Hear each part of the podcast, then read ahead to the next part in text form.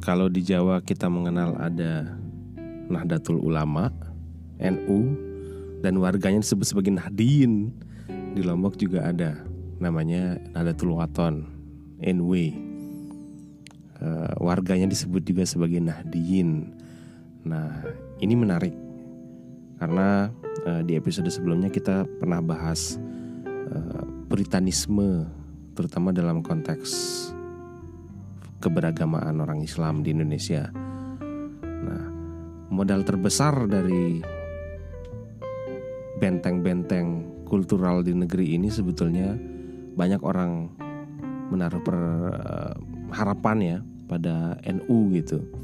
NU sebagai benteng NKRI dari hazanah-hazanah kenusantaraan itu dibentengi oleh NU dari gempuran-gempuran uh, pengaruh-pengaruh dari Timur Tengah yang kemudian sebetulnya itu bukan bagian dari teologi tapi di teologi teologikan Cak Nur dulu pernah membagi itu ya Bro Azwar. Nah di sini kita bertiga ada saya, ada Bung Azwar, saya dan Bung Azwar ini sebagai sebetulnya kita bukan bagian dari kedua itu ya. Kita sekolahnya umum dan kita posisinya sebagai orang awam sekaligus awam dari segi teologinya ya. Tapi kita ada penasaran pertanyaan-pertanyaan yang kemudian bisa kita konfirmasi kepada orang yang memang bergelut di situ. Ya, tidak lain dan tidak bukan adalah Bung Ilham lulusan Al Azhar yang beberapa episode sudah pernah mengisi di podcast audisi. Tapi kali ini kita bertukar pikiran saja. Artinya di opening tadi ada NU dan ada NW. Nah, bagaimana kita memperkenalkan kepada pendengar podcast audisi bahwa Islam kultural di Lombok itu ada juga. Yang juga sekarang sedang beradu eksistensi dengan Salafi Wahabi yang ada di Lombok atau Islam Puritan, Muslim Puritan yang ada di Lombok. Halo Bung Ilham. Halo, selamat malam. Oke, ini kita santai-santai aja ya. Jadi kita uh, pembahasan kita nggak kemudian nanti mendiskredit uh, satu kelompok tertentu artinya uh, bisa dijelaskan sedikit ke pendengar podcast audisi Nahdlatul Waton itu seperti apa? Eh, baik. Uh, Nahdlatul Waton merupakan sebuah lembaga ya yang didirikan oleh salah satu ulama yang karismatik di Lombok di Nusa Tenggara Barat bernama Maulana Syekh Zainuddin Abdul Majid. Jadi beliau merupakan uh, masih keturunan ulama juga karena ayah dan kakek beliau juga uh, merupakan tokoh cendekiawan agama cendekiawan muslim di Lombok gitu. Kemudian latar belakang terbentuknya itu jika kita bedah dari namanya itu Nahdlatul Waton bermakna kebangkitan tanah air atau negara. Jadi e, terbentuknya itu tidak ter, tidak e, terlepas dari cita-cita luhur pada saat itu yang ingin menghendaki kemerdekaan baik dalam bagaimana berkehidupan secara e, sosial yang bebas begitu tanpa ada kekang atau bayang-bayang daripada Belanda juga bagaimana merdeka dalam berpikir, dalam merdeka dalam uh, memiliki apa ilmu pengetahuan gitu. Karena kita tahu kan pada saat itu memang sangat-sangat dibatasi untuk mendapatkan pendidikan kan di zaman Belanda itu ya hanya orang-orang tertentu saja dari kalangan pribumi yang mendapatkan hak untuk uh, belajar begitu. Nah kemudian di situlah Nahdlatul bergerak. Uh, kemudian puncaknya pada uh, tanggal 22 Agustus 1937 Syekh Zainuddin ini mendirikan madrasah yang disebut dengan Nahdlatul Wathon Diniyah Islamiyah yang khusus menerima laki-laki saja pada saat itu ya karena awal itu momentum awal lah ya kemudian diikuti pada lima tahun setelahnya kemudian mendirikan madrasah yang dinama yang dinamai Nahdlatul Banat Diniyah Islamiyah khusus untuk perempuan. Karena beliau juga bagaimana bisa dikatakan uh, tokoh feminis saat itu bagaimana memperjuangkan hak pendidikan untuk orang kaum wanita juga. Nah, dan di balik bagaimana uh, saya sampaikan di awal tadi bahwasanya Nahdlatul Wathon itu tidak lepas, tidak jauh daripada perjuangan gitu. Karena memang pada saat itu uh, bisa dikatakan masa-masa genting gitu, masa-masa pra proklamasi dan pasca proklamasi. Bahkan di pada saat pasca pro, proklamasi bagaimana mempertahankan kemerdekaan itu Lombok juga menjadi uh, medan pertempuran pada saat itu bagaimana Belanda dan Nica datang. Nah, di antaranya berapa uh, pahlawan nasional saat itu, pahlawan yang berperang mempertahankan kemerdekaan juga yang gugur. Salah satunya adalah adik kandung beliau yang bernama Tuan Guru Kiai Haji Muhammad Faisal. Nah, jadi Nah itu bagaimana perjuangannya ya Kenapa dinamakan Nahdlatul Waton Ya karena memiliki arti makna kebangkitan tanah air begitu. Karena eh, salah satu latar belakang terbentuknya itu ya tidak terlepas dari bagaimana memperjuangkan kemerdekaan Indonesia. Ya. ya. Kemudian bagaimana tradisinya? Tradisinya tadi singgung miliki sama ya masih 11 12 bagaimana tradisi keagamaan dengan Nahdlatul Ulama. Ya karena mem memang pendirinya uh, Maulana Syekh Zainuddin ini masih memiliki satu bisa dikatakan satu alma mater lah sama uh, Hadratul Syekh Haji Hashim Asyari gitu di Madrasah As-Salatiyah di Mekah. Iya iya iya berarti sama Kiai Dahlan pun juga pendiri ya, Muhammadiyah masih uh, masih satu alma mater ya. Tadi uh, Ustadz Ilham kan menjelaskan tentang Ilham, ya. sejarah ya. NW ini secara umum aja secara, secara umum, umum bahwa dasarnya adalah untuk mem, apa ya mengisi memperjuangkan kemerdekaan gitu ya. Yeah. Nah, terus kemudian kan kemerdekaan sudah dicapai di 17 mm -hmm. Agustus 1945 dan ya. bagaimana uh, peran NW mengisi kemerdekaan nih menarik kan pasca mm -hmm. oh, iya.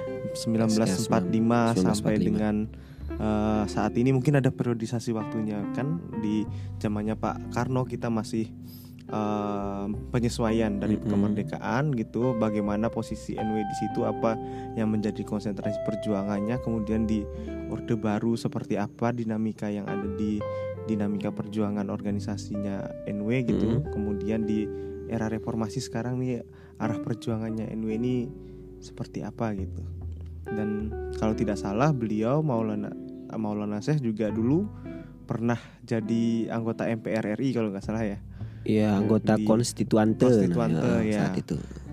Monggo silahkan.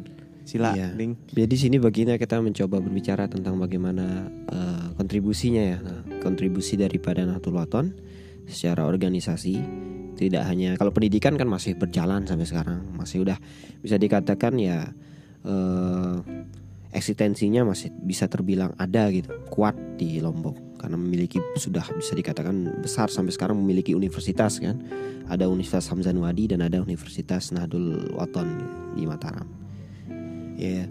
nah sekarang kalau kita berbicara bagaimana uh, kontribusi atau pergerakan Nahdlatul Waton dalam bidang uh, politik ya ya cukup kalau pada saat pada masa lampau ya sudah kita ketahui bagaimana Maulana Syekh pendirinya juga ikut masuk bagaimana terjun dalam konstituante dan sebagainya. Uh, kemudian ternyata sekarang diikuti oleh uh, salah satu cucu beliau yang sangat familiar mungkin di di telinga kita, di mata kita ya, karena memang sudah sering muncul di di iklan terutama di milik apa? Haritano milik ya, di MNC, Group, Group. gitu ya milik dan beberapa reklame jalan utama ya di ber sudah. berbagai kota di Indonesia. Ya beliau tak lain dan tak bukan Tuan Guru Bajang. Ya Tuan Guru Bajang. Ya di sini yang ya kita patut syukuri juga bagaimana masyarakat warga Lombok anak Lombok putra Lombok itu bisa berkiprah, uh, berkiprah sedemikian rupa sebagaimana TGB sekarang gitu. Karena memang sebelumnya ya kalau di Lombok yang sampai saat ini ya sosok sosoknya baru TGB mungkin ya yang uh, mel, yang sejauh ini begitu. Anunya pergerakannya begitu. Ya cuman Hold- di hold dulu mungkin sebelum masuk ke gerakan politik kita Mm-mm. bicara gerakan sosial dulu. oh sosial. Hmm. Nah ini kan NW ini apakah pertanyaannya apakah cuma sekarang cuma ada di Lombok, apakah sudah ada cabang-cabangnya Hmm. lagi di seluruh Indonesia gitu? terbilang sudah menyebar ya, sudah cukup menyebar di eh, di, di ber- di hampir semua provinsi mungkin di Indonesia ya. Di Kalimantan, di bahkan sampai di Papua juga sudah mulai menyentuh di sana. Eh, bagaimana ini merupakan eh, pemanjangan atau bagaimana melanjutkan melanjutkan apa yang sudah ditanamkan oleh pendirinya. Jadi pendirinya itu bisa memiliki memiliki salah satu eh, sebutan ya itu Abul Madaris wal Masajid itu bapaknya masjid-masjid dan sekolah-sekolah karena eh, bagaimana gerakan sosial Nahdlatul Wathon itu ya dengan cara menyebar luaskan cabang-cabang anak-anak cabang eh, anak-anak cabang sekolah begitu untuk biar supaya bagaimana nilai-nilai eh, moderasi Islam yang terdapat dalam eh, Nahdlatul Wathon itu bisa tersebar gitu. Jadi bisa kita kita katakan sama seperti Nahdlatul Ulama, Nahdlatul Wathon juga memiliki peran aktif dalam mendefense Indonesia dari paham-paham yang mungkin bertolak belakang dengan eh, nilai-nilai Pancasila begitu. Dan salah satu hal yang paling lumrah ya, paling sering terdengar gitu di kami yang yang belajar pernah belajar di Nahdlatul Wathon itu bagaimana eh, alumni-alumni yang terutama dalam mahat ya. Jadi eh, di Nahdlatul Wathon memiliki sistem sistem walaupun ada perkuliahan yang secara eh, formal ada juga yang non formal yaitu disebut dengan ma'had itu sistemnya ya duduk bersila begitu mendengarkan eh, syekh guru menjelaskan suatu fan ilmu. Nah kemudian di sini alumni alumni daripada pengel, eh, daripada mahat ini itu kemudian disebar. Itu biasa berapa tahun ada kontraknya biasa di diperintahkan untuk untuk khidmat begitu untuk me- mengamalkan apa yang sudah dia dapat dapatkan di sana di beberapa daerah-daerah terpencil. Nah, itu saya rasa merupakan salah satu nilai nilai-nilai sosial yang besar ya bagaimana eh, yang dimiliki oleh Nahdlatul Wathon. Ya, sama seperti Nahdlatul Ulama dan Muhammadiyah. Ya itu sebenarnya keren gitu apalagi dengan alumni-alumni Mahat ini yang tersebar disuruh mengabdi ke desa-desa karena tidak bisa kita pungkiri bahwa sebenarnya desa masyarakat desa itu juga butuh pembimbing agama gitu yang belajar agama secara serius untuk mengurusi anak yang Hmm, baru lahir benar. kemudian apalagi proses orang meninggal nanti di Ya, talkin dan segala macamnya, Mm-mm. TPA dan segala macam dan di sinilah sebenarnya kekuatannya NW dengan proses mahatnya ini ya terutama di Iya. desa-desa di Lombok itu sudah mengakar yang menjadi benteng terdepan kalau kayak di tentara itu mungkin babinsa-babinsanya ya, NW sebenarnya ini yang perlu juga diperhatikan eh, secara dari sisi kesejahteraan tapi namanya pengabdian ya Iya, benar. ya, nah, sudah urusannya sama yang maha kaya gitu. Tapi sebetulnya ini otokritik kri- otokritik juga ya. Eh, sebentar ini ada piring nggak apa-apa nih, santai aja, nggak pecah kok. Habis makan Indomie ini kita rehat sejenak.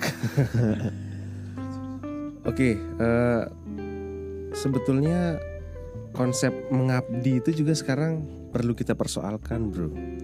Iya. Artinya terlalu naif kita kalau mengatakan mengabdi kemudian eh, berserah kepada Allah gitu ya. Anda sebagai pengelola nanti akan diminta tanggung jawabnya. Ini yang disebut sebagai ini yang diingat-ingatkan oleh Marx sebetulnya ya. Hmm. Eh, bagaimana perselingkuhan antara elit-elit agama dengan kapitalis itu. Ya kapitalis ini nggak kita pahami secara hanya korporat ya, tapi elitis lah, elit-elit kemudian memanfaatkan eh, semangat-semangat beragama orang untuk dieksploitasi. Itu yang perlu dikritisi. Karena pengabdian itu juga orang butuh makan. Ya untuk menghidupi anak juga. Gimana Perlu. eh, Bapak CSR? Ya sepakat bahwa pengabdian itu juga butuh dihargai ya mungkin uh, perlu didiskusikan bagaimana lembaga ini yang memiliki menugaskan kader-kadernya di tengah-tengah masyarakat itu punya lembaga ekonomi kemandirian ekonomi yang akan mengatur sisi apa ya sisi hajatnya dia dasarnya dia itu terpenuhi gitu. Tidak hanya sebatas pengabdian supaya juga dia tidak menyiksa dirinya tidak teralienase dengan dirinya gitu. Dia memiliki memil, lebih banyak memikirkan orang timbang memikirkan diri dan keluarganya gitu ya. Dan itu memang mungkin menjadi PR ya uh, para pemangku-pemangku kepentingan yang ada gitu. Kalau kita kan hanya sekedar menjadi pengamat uh, poten hal yang ada yang terjadi di tengah masyarakat saat ini gitu ya pak ya? Iya benar karena memang uh, nilai pengabdian pada saat uh, pada mungkin masa-masa saat pendirinya masih masih hidup itu mungkin kalau kita lihat dengan situasi kondisi pada saat ini ya nggak bisa disamakan gitu. Karena mungkin kalau pada saat itu nilai pengabdian ya uh, bagaimana menjadikan uh, Nahdlatul Wathon itu tersebar dulu tersebar tersebar ya jadi lillahi ta'ala begitu kan pada saat itu. Tapi pada saat itu jika kita lihat masih e, kondisi masyarakat mungkin masih bagaimana e, menilai mereka ya. Mereka itu para para e, khidmaters itu para para abdi-abdi itu itu bisa dikatakan cukup e, terpenuhi ya ininya. Pada saat itu ya karena memang kondisi masyarakat masih bagaimana uh, ber, berlomba-lomba mungkin untuk memberikan uh, beramal untuk me menjamin kehidupan pendainya itu. Ya kalau sekarang ya harus kita sebagai lembaga yang sudah besar ya kita harus harus kita yang mengatur gitu. Harus kita yang ikut andil gitu. harus kita yang peduli kepada para para abdi kita. Ya kalau enggak ya hanya di situ-situ saja ininya uh, pergerakannya gitu kita kita berkaca dari dari yang kemarin sudah kita bahas bagaimana uh, puritanisme ya. Bagaimana uh, kaum kaum wahabi itu sangat sangat uh, getol sangat sangat luar biasa pergerakannya. Jika kita lihat apa yang menjadi penyebab bisa tersebar sebegitu cepat pada saat ini?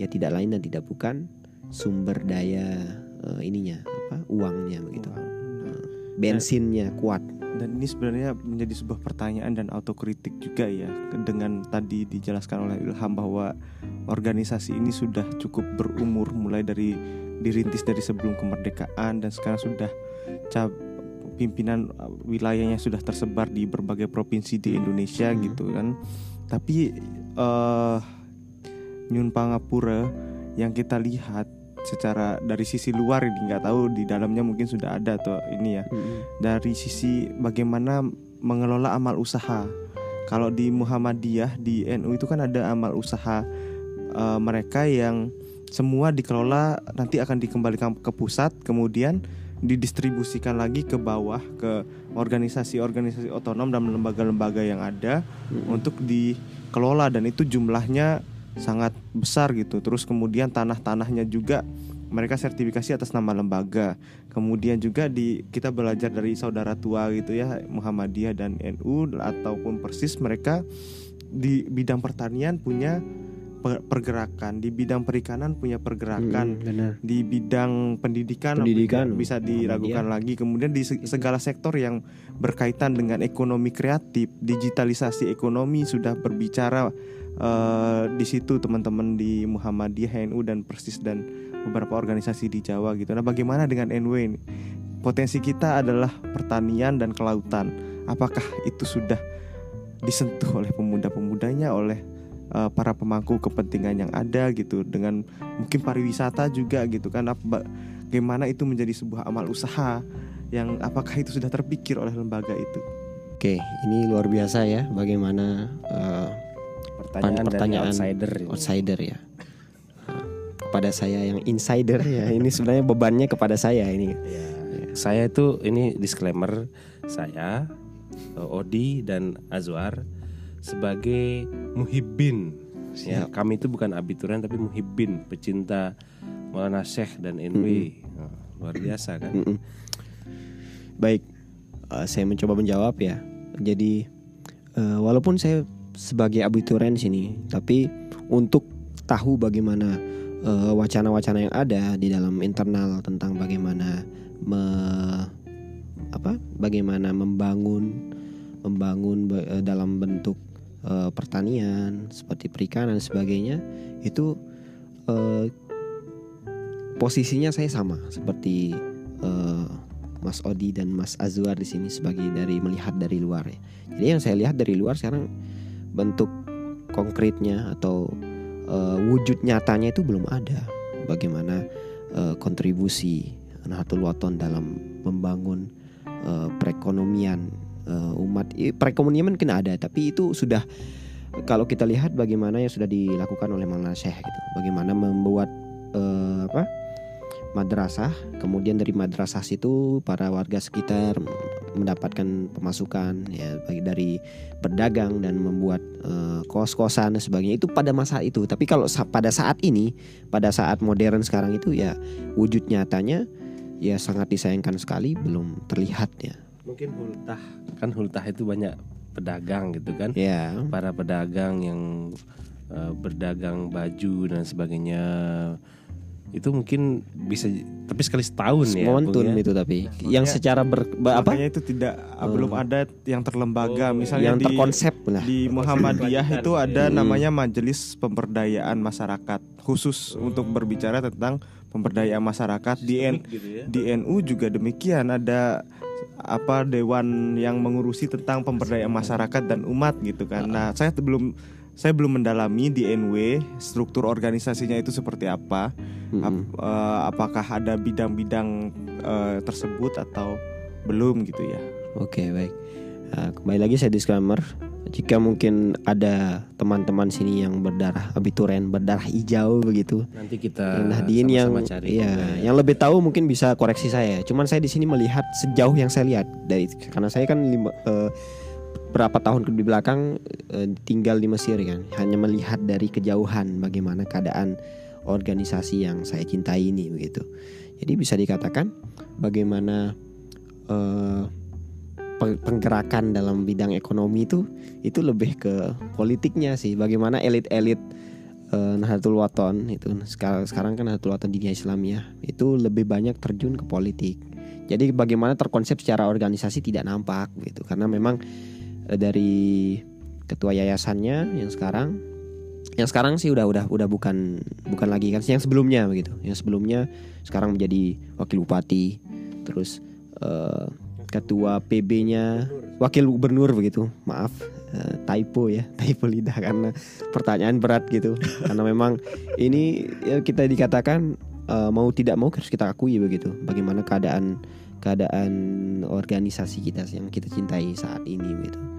Karena kalau itu menjadi bukti cinta kita kan, karena memang eh, Nah- Nahdlatul Wathon itu bukan hanya identitas sebagai lembaga saja, tapi bagaimana kita lihat merupakan warisan, warisan yang untuk masyarakat Lombok begitu secara umumnya.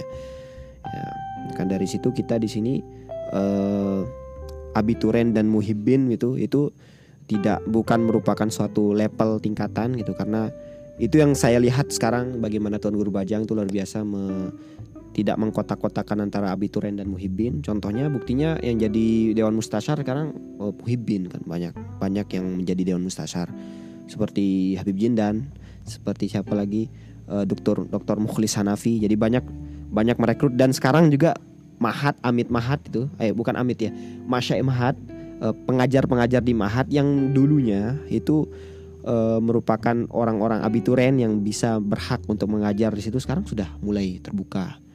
Jadi itu pun panjang ceritanya bagaimana eh, TGB bisa merubah itu.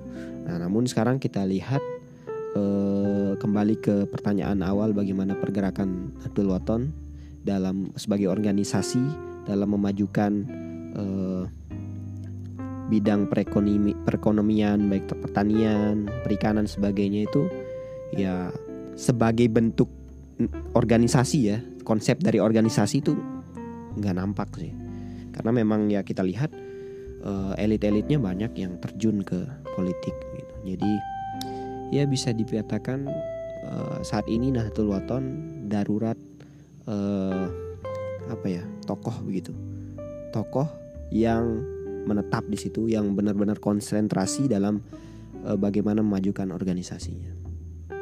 Ya, husnuzonnya mungkin kenapa banyak elit yang ke politik dengan kebijakan yang mereka Mm-mm, buat nanti itu iya. bisa berdampak pada Nahdiyin ya memberi, meningkatkan kesejahteraannya Nahdiyin dengan distribusi pupuk yang murah bagi Ah. petani-petani Mm. atau eh, de- pakan yang murah bagi pada peternak ikan gitu mungkin husnuzon kita di Ya, situ makanya jalan di situ. jalan yang dipilih adalah jalan politik, Jalan politik, gitu ya. Jadi di sini kita sebenarnya berhusnuzon dan berpikir positif dan bergerak ke arah positif ke depannya gitu ya. Ya, ya benar. Oke, eh, ini langsung dari memang ini pendapat dari Magister Pembangunan Sosial dan Kesejahteraan. Bener nggak itu? Nah, SDK ya. Jadi SDK luar biasa. ya perlu ada eh, merangkul ya para muhibin atau mungkin abituren yang memang tidak hanya bergeluti ilmu agama dalam tanda kutip ya Mm-mm. teologi tapi yang fokus mengembangkan misalnya eh, ilmu-ilmu kebijakan publik ya Iya. Artinya untuk mengelola itu itu butuh tenaga. Suatu organisasi yang bagus itu kan pengelolaannya yang harus dibereskan. Bukan hanya pengelolaan secara pendidikan ya, tapi bagaimana eh, ide sebagai abul madaris wal masajid wal masakin lah gitu ya. Itu kemudian bisa teraktualisasikan sampai sekarang itu ya dengan pengelolaan yang benar-benar seperti kata Azwar tadi. Yang terkonsep. Iya, jika memang ada elitnya yang terjun ke politik, pertanyaannya Siapa? seberapa signifikan eh, keterjunan para elit itu Heeh. bagi warga Nahdlatul Wathon Iya. secara khusus dan warga Lombok secara umum atau NTB secara umum. Benar. Artinya jangan hanya kemudian ketika musim pilkada lalu ada kapitalisasi eh, Politik konstituen ya. identitas begitu. konstituen politik yang kemudian memanfaatkan dapur atau jamaah gitu. Ini buk ini sebetulnya berlaku untuk semua organisasi bukan hanya NU. Benar. NU juga sama. Artinya otokritik semacam ini perlu ya. Artinya membangun ini dalam kacamata moralitas ya politik gitu ya. Tindakan berdemokrasi ya. Kita mengenal mungkin orang awam mengenal bahwa suara Vox Populi Vox Dei, suara rakyat ada suara Tuhan gitu ya. Tapi bisa kita persoalkan lagi seberapa sadar orang yang banyak itu dengan pilihan mereka. Jangan hanya menggiring gitu kan. Hmm. Artinya banyak PR terbesar lah. Jadi saya sebagai pecinta Nahdlatul Wathon dan Azwar yang melihat dari Jogja dan melihat dari Kalimantan ya, Azwar ya. Artinya eh, kita melihat perlu masih banyak PR-PR besar ya. Artinya saya juga eh, sering beberapa kali berdiskusi dengan teman-teman eh, mahasiswa Hamzan Wadi, Himah Artinya saya juga pernah menyelenggarakan sekolah filsafat dan kebijakan publik, sekolah logika dan kebijakan publik, kerjasama dengan teman-teman UI juga. Eh, Azwar dulu sempat mengisi tapi nggak jadi ya. Ya hampir ngisi juga, tapi itu mandak di jalan artinya kita bekerjasama dengan HMI Komisariat NW dulu ya Komisariat Hamzan Wadi menyelenggarakan sekolah seperti itu.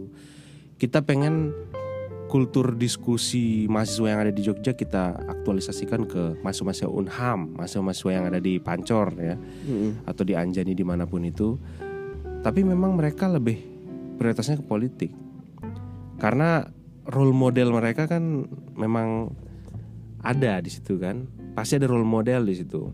Nah jadi ini sebagai otokritik dan juga perlu dibenahi seperti itu sehingga tadi terjun ke politik itu nggak salah itu bagus tapi jangan semua dong gitu kan jangan semua ya Iya, dan sangat disayangkan Meriam Budiharjo kan sebenarnya politik itu adalah untuk memperjuangkan kepentingan ya.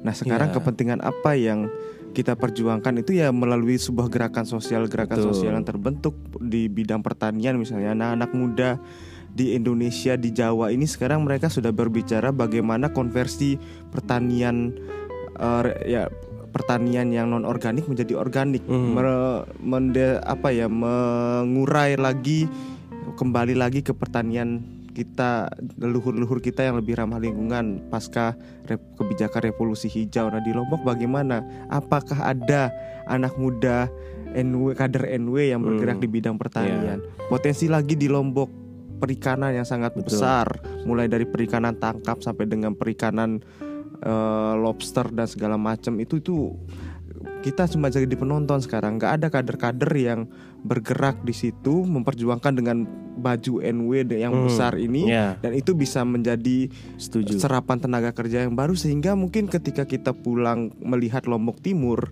itu bisa eh, ada sesuatu berubah yang bisa kita lihat ya Iya. lihat ekonomi lebih Hmm.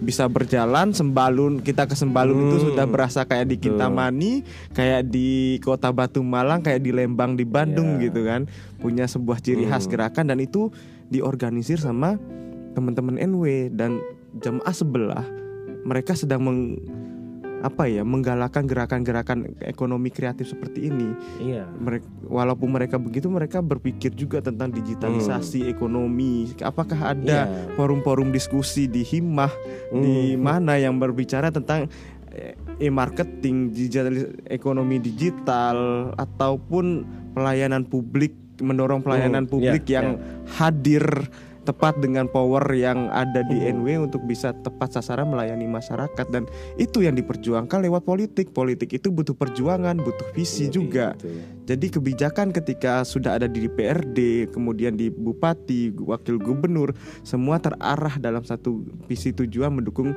gerakan sosial dari organisasi yang memberikan multiplier Ya, efek. visinya dari organisasi, Iya. visi misinya. Dan itu ditentukan di Hmm. musyawarah besar seharusnya. Iya. Saya belum baca, jujur belum baca risalah ya kami hasil mubesnya kami kemarin itu. sebetulnya Jadi belum masih awam, belum mohon tahu, maaf kalau Jadi ada salah-salah.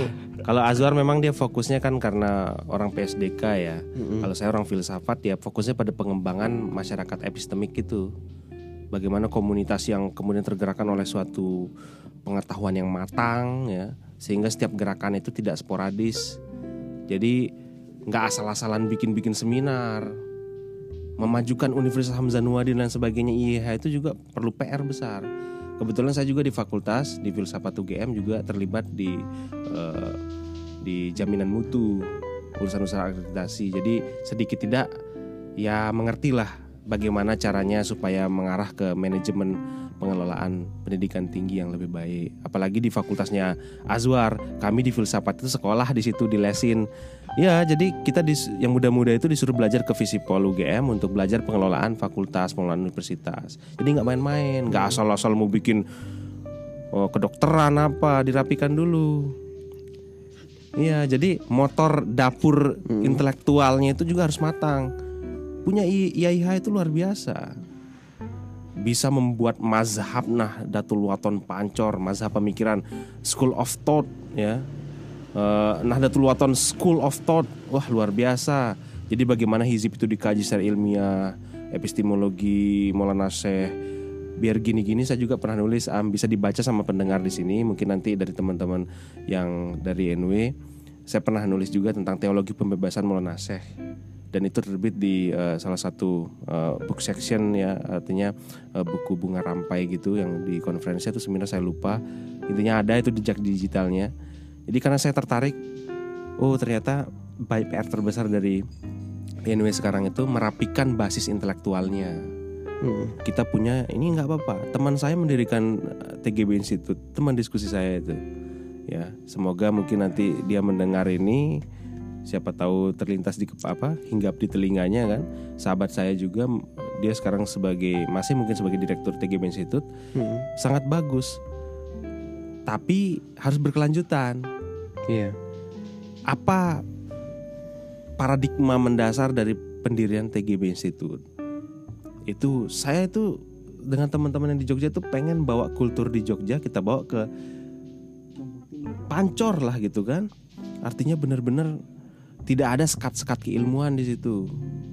Nggak lagi multidisiplin tapi interdisciplinary setiap disiplin keilmuan itu saling terkait seperti PSDK itu corong corong dari kita di filsafat yang ilmu abstrak untuk menerapkan yang praktis yang terapan. Itu ada di PSDK di MKP Ya. ya. Jangankan PSDK jangankan apa ya eh, kita ingin membawa nasib filsafat lulusan filsafat aja di sana tidak dikenal kok kan Ya. Ada sebenarnya kolaboratifnya. Cuman kolaboratifnya lebih ke ke sistem iklan gitu. oke Jadi jadi yang kayak gini. eh, kuliah di Universitas Hamzah Nuadi itu berbeda. Ada perbedaannya. Apa yang membedakan? Itu bisa kuliah sambil nyantri. Jadi dia di orang yang yang kuliah di Oke. Universitas Nuadi itu dikasih Ya. eh, apa? Untuk kayak double degree gitu. Hmm. Tapi double degree-nya itu tidak resmi. Ikut masuk di Mahat Ya, ya. gitu. Seperti itu. Hmm, ya itu bagus artinya Bagus, Meong. saya yakin sumber daya manusia kita di sana itu nggak nggak bisa diragukan lah Hmm.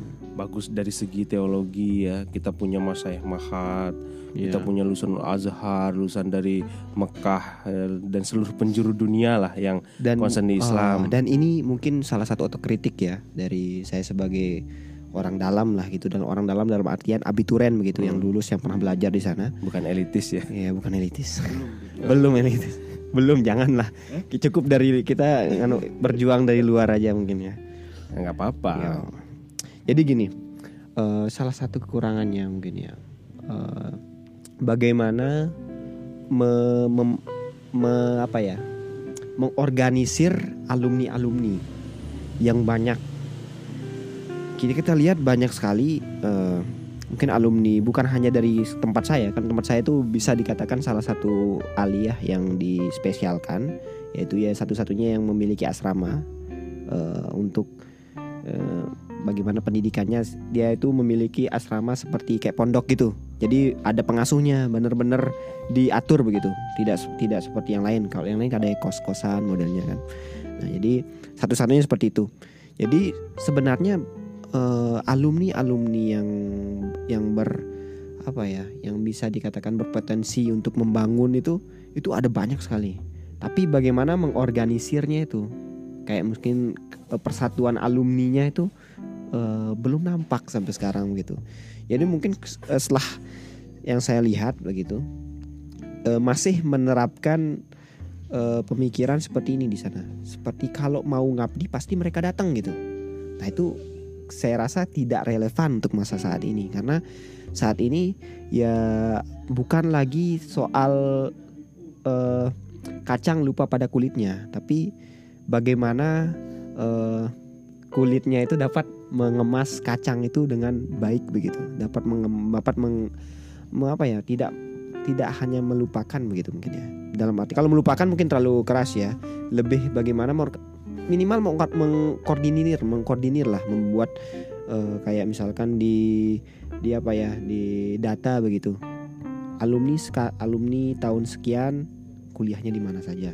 Sehingga nanti saat mereka sudah eh, selesai begitu dalam dalam proses pembelajarannya bisa diajak gitu diajak eh, diajak diskusi mungkin diajak bertukar pikiran untuk bagaimana membangunkan membangun eh, Nahdlatul Wathon untuk lebih baik lagi. Karena mereka mereka yang yang yang kuliah di luar itu itu pasti memiliki pengalaman-pengalaman yang yang luar biasa yang didapati dari tempatnya mungkin. Tempatnya me- apa belajar gitu. Pasti ada hal-hal baru hal-hal menarik gitu. Itu mungkin yang yang kurang ya di di Nahdlatul Wathon diniyah Islamiyah saat ini gitu. Nah mungkin kalau menurut saya wadah itu mungkin sudah ada ya Kita kan belum baca sama-sama belum baca hasil keputusan-keputusan Oh, keputusan dari yang kemarin. musyawarah Yang- apa oh. apa namanya kongres pertama kongres yang di Pancor maupun Oh, iya. kongres yang di Anjani ya Hmm. mungkin ya kita juga perlu melihat eh, apa ya pola struktur yang terbentuk Mm-mm. anggaran dasar dan anggaran rumah tangga yang dilaporkan ke Kemenkumham apakah memang wadah minimal wadah orang orang datang itu ketika ada tempat kalau tempatnya nggak ada di mana orang mau bernaung kalau hujan misalnya Iya. kita dat- datang sembarang kita ke basah kuyup terus kalau di wadah itu tidak ada sumber daya yang bisa menghidupi kita ya ngapain kita mendatangi tempat yang tidak bisa menghidupi kita gitu Benar. kan Nah, makanya itu menurut saya hal dasar adalah bagaimana tata kelola organisasi ini strukturnya itu di benar-benar dipikirin sesuai dengan potensi kita yang ada di sana gitu mendukung pengembangan masyarakat dan secara agamanya dan secara sosial dan ekonomi dan diperjuangkan lewat jalan politik tadi. Hmm. Ya semoga saja eh, hasil mubes kemarin tuh memiliki apa yang kita resahkan itu dapat terjawab begitu dengan eh, data konkret lah ya yang yang yang dapat menjawab keluh-keluh kita gitu sebagai baik sebagai muhibin atau abituren.